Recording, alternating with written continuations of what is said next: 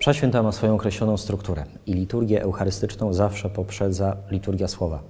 To znaczy, kiedy uczestniczymy w Eucharystii, zanim rozpoczyna się moment e, sprawowania eucharystycznej ofiary na ołtarzu, to wcześniej ma miejsce tak zwana liturgia słowa, w czasie której przy określonym miejscu, przy ambonie, e, czytane są fragmenty Pisma Świętego.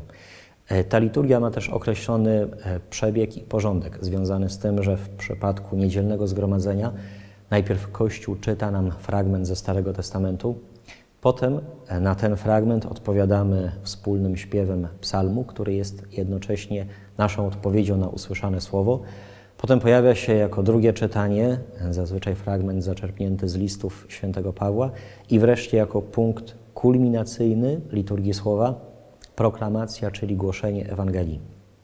To bardzo ważne, ponieważ aby rozumieć, co dzieje się w Eucharystii, aby w niej właściwie uczestniczyć, E, potrzebne jest to, aby najpierw usłyszeć słowo, przez które Pan Bóg zwraca się do każdego z nas osobiście, przez które Kościół jednocześnie tłumaczy nam wszystko to, co danego dnia dzieje się w liturgii. Te fragmenty Pisma Świętego nie są czytane w sposób e, przypadkowy. One są zaczerpnięte z lekcjonarza, z kolei lekcjonarz układa poszczególne perykopy biblijne w określonym porządku, tak aby tematycznie łączyły się one z tajemnicą danego dnia, która pojawia się w liturgii. Więc nie jest dla nas żadnym zaskoczeniem i zdziwieniem, że na przykład w okresie wielkanocnym czytamy Księgę Apokalipsy świętego Jana, bo to właśnie to, co wydarzyło się za sprawą zmartwychwstania Chrystusa, jest wejściem w nowe życie, w nową rzeczywistość, o czym mówi ta księga. Analogicznie w okresie Wielkiego Postu będziemy czytać e, fragmenty zaczerpnięte z Księgi Wyjścia, które mówią o przejściu Izraelitów przez Morze Czerwone, bo to właśnie jest zapowiedź Paschy, e, która dokonuje się poprzez śmierć i zmartwychwstanie Chrystusa. Więc to słowo jest bardzo ważne i ono pomaga nam uczestniczyć w liturgii. To słowo jest jednocześnie głosem Boga skierowanym do każdego z nas. Więc to słowo nie tylko dostarcza określonych informacji, e, ale to słowo jednocześnie dotyka naszego życia, naszej codzienności naszych pytań.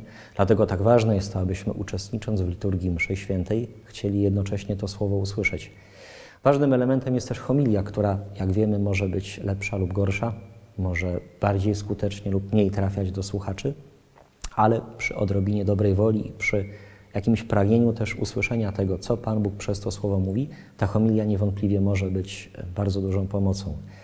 Ostatnim elementem liturgii słowa jest e, wyznanie wiary, które jest potwierdzeniem tego, co otrzymaliśmy e, w tym słowie, co usłyszeliśmy i które jest jednocześnie bardzo konkretną deklaracją ludzi uczestniczących w liturgii, że to słowo przyjmują i według tego słowa chcą kształtować swoje życie.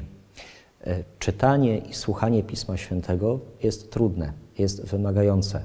Nierzadko te teksty mm, powstały kilkanaście wieków przed Chrystusem.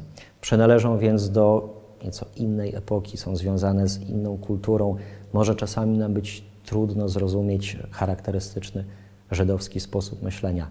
Natomiast to, co najważniejsze, to to, że poprzez to słowo zwraca się do nas Pan Bóg, więc kiedy przyjmujemy też wyjaśnienia towarzyszące temu słowu, zaczynamy je lepiej rozumieć, a przede wszystkim widzimy, że to słowo pomaga nam uczestniczyć w liturgii.